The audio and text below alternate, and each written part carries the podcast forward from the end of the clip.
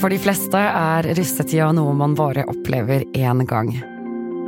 Men noen er med år etter år. De som har som jobb å kjøre russebussen. Hvordan holder han ut? Mitt navn er Anne Offstad, og du hører på Hva skjedde?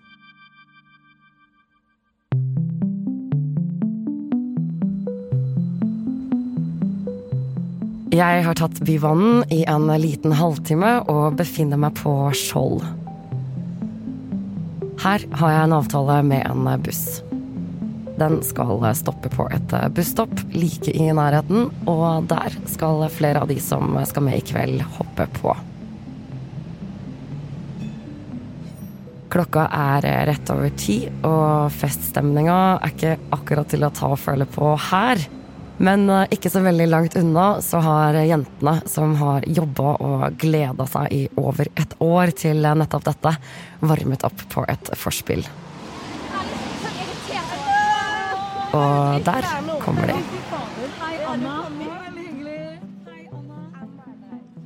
Sammen har de bussen Nattegal, et ordspill på Gabrielle-låta Nattergal. Jeg har fått lov til å være med på rulling i kveld for å se hvordan det foregår. Men eh, ikke minst for å møte en som har utsatt seg for eh, dette år etter år. Sjåføren deres, Eivind Straume. Og der kommer han. Vi går om bord, og musikken er allerede i gang. Det henger et svært neonskilt i midten av bussen, Ordet 'nattegal' lyser opp midtgangen.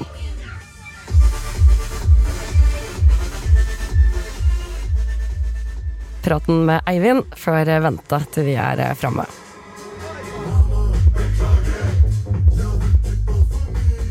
Nattegal består av 24 jenter fra litt rundt omkring i Bergen. De har på seg blå russedresser, hørselsvern med klistremerker på, pannebånd og jakker merka med navnet på bussen. Laseren lyser opp ansiktene deres. Eivind har på seg ørepropper og har sin fulle oppmerksomhet på veien. En av jentene drar fram SnapMap. Der ser vi hvor mange som er på vei til samme sted i kveld. En kolonne med folk på vei ut av byen i retning Øygarden og Sotra. Den siste tida har vi kunnet lese at russen ikke har noen steder å ha disse treffene. Folk og naboer er ikke så interessert i bussringer på f.eks. elleve busser, som jeg får beskjed om at det blir i dag i nabolaget sitt. Russen må rett og slett bruke hodet og finne bra steder å feire og bra måter å feire på uten at de plager andre, sa politiet til Bergens Tidende. Og i kveld så tester altså russen busstreff et godt stykke utenfor byen.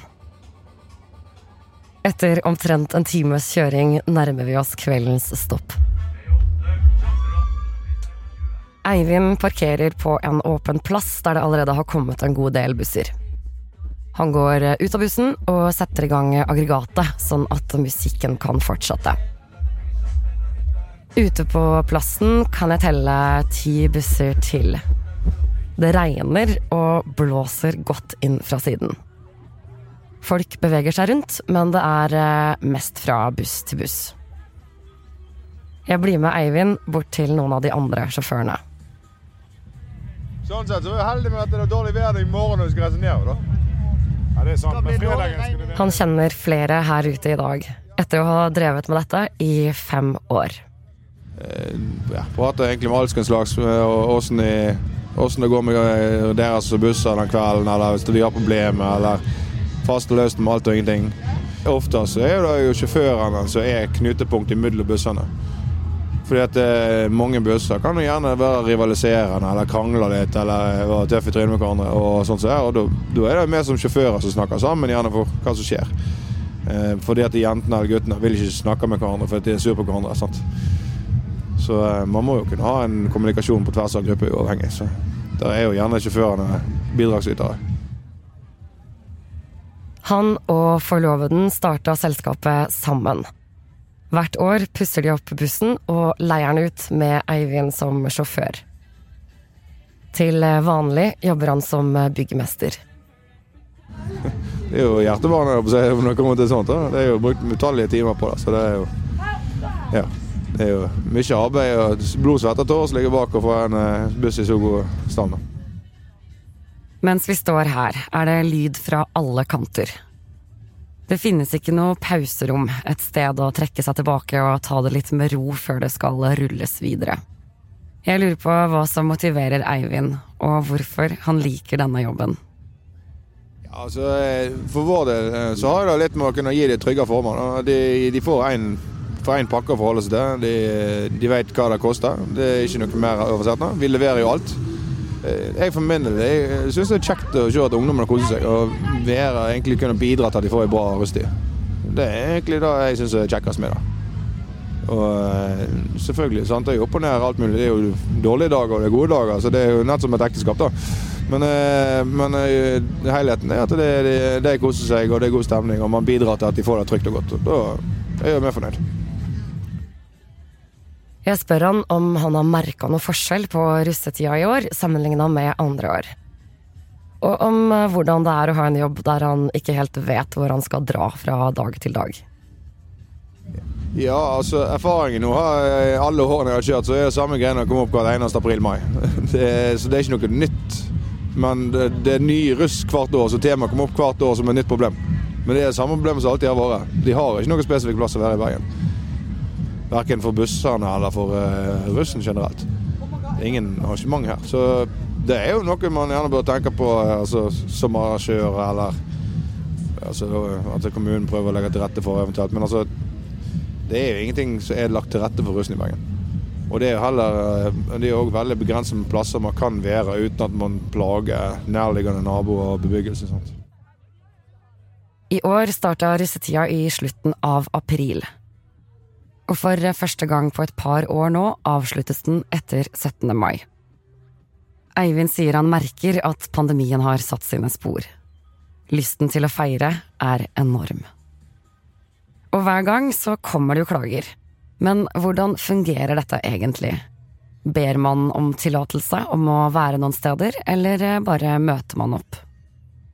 Ja, altså, I noen tilfeller så pleier de å spørre grunneierne i forkant. Eh, mens eh, noen ganger så kjører de en ut og bare håper at det går greit.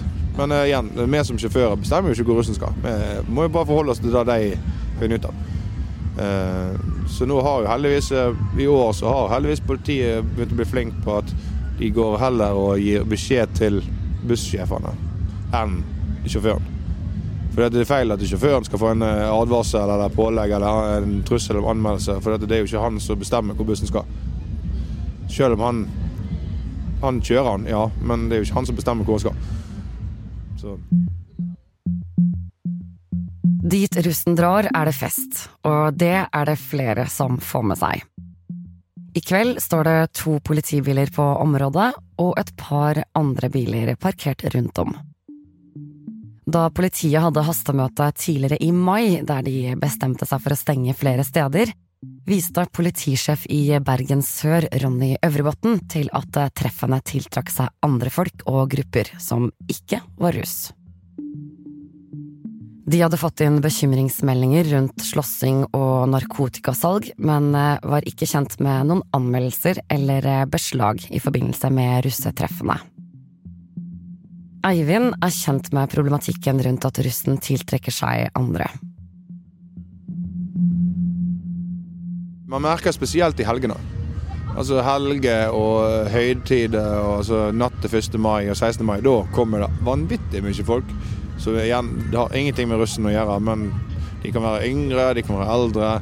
Og de har å være med på festen på samme måte som deg. Og det er akkurat det som er. Når det ikke er noe arrangement, så kan man ikke akkurat nekte det man heller. Sant? Du kan ikke stå vi, vi, har jo ofte sånn med sjåfører står gjerne ved innkjørselen til området og jager vekk biler, så at ikke bilene kommer inn der som russen er. da. For det er, veldig, sant, det er ikke alltid en 19 år gammel sjåfør tenker at det er fornuftig å eller det er problematisk å kjøre inn blant masse folk. Så da pleier vi ofte å sørge for at de ikke kjører inn i folkemengden iallfall. Men, øh, men øh, ja. Så lenge det ikke er noe arrangement, så kan vi ikke akkurat nekte dem. Nå er jo heldigvis eh, jentene veldig bevisst på å passe på. Da. Eh? De står ja, som oftest en person i døra og ser til hvem som kommer inn og ut. Og eh, bussene pleier å være ganske greie med å passe litt på hverandre òg, selv om man trenger ikke være bestevenn med nabobussen, men ser man noe gjør noe tull med den, så gir man jo beskjed likevel. sant? Man er jo tross alt i fellesskap selv om man er forskjellige busser. Jentene på Nattergal forteller at de også tar sine forbehold. De drikker f.eks. av flasker med tut på, sånn at det ikke skal være så lett å ta noe oppi drikken. Og så tørker de av tuten før den drikkes av, for å være på den enda sikrere siden. Innimellom dansinga kommer de bort og skryter av Eivind. Og forteller at det er fint å ha en sjåfør som tar ansvaret sitt på alvor til stede. Mitt, mitt syn på det viktigste er å eh, få ting til å fungere. Eh, og få, sørge for at ungdommene kommer seg trygt i fatet. Og eh, man, eh, som, som, sjåfør så er man ikke bare sjåfør. Man er samlivsterapeut, du er dørvakt, du er du du, skal, du skal, være gjerne førstehjelp, du skal være lege og du skal være ja, du, du er innenfor hele sjangeren hva som går an å være. For man setter seg ikke bak rattet og lukker ørene og kjører. Og når bussen står i ro, så går du og tar deg en kopp kaffe og ikke ser rundt deg. Det er ganske, ganske stor potet i denne eh, bransjen her. Så Ute på plassen er det fortsatt liv, men eh, det går også russ rundt med store poser og plukker søppel. Noen tar selfie med politiet. Jeg spør Eivind hvor lenge han regner med at vi får eh, stå her i kveld. Nei, altså Vanligvis pleier vi å stå her til halv tre. Uh, og så får vi beskjed av politiet at vi pakker sammen og rydder og kjører klokka tre. Så ofte så har politiet vært greie og latt oss stå en stund, og så sier de som oftest at halv tre, da stenger vi av. Altså stenger av musikken, og så rydder vi, og så pakker vi sammen og kjører.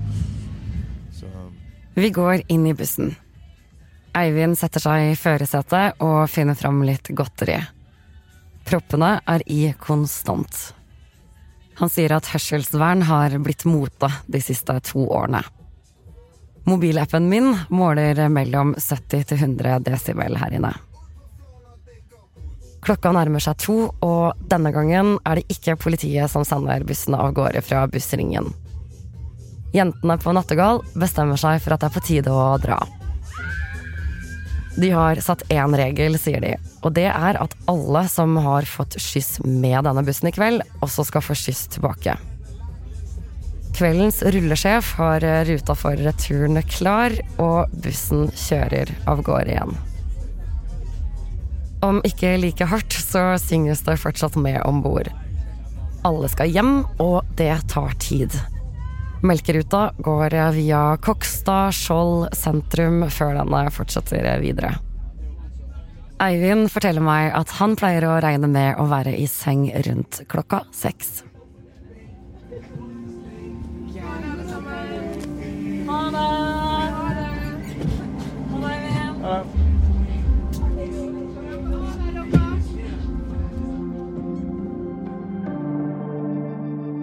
Denne episoden av Hva skjedde? er laget av meg, Anna Offstad og Henrik Svanevik. Tips gjerne en venn hvis du likte det du hørte.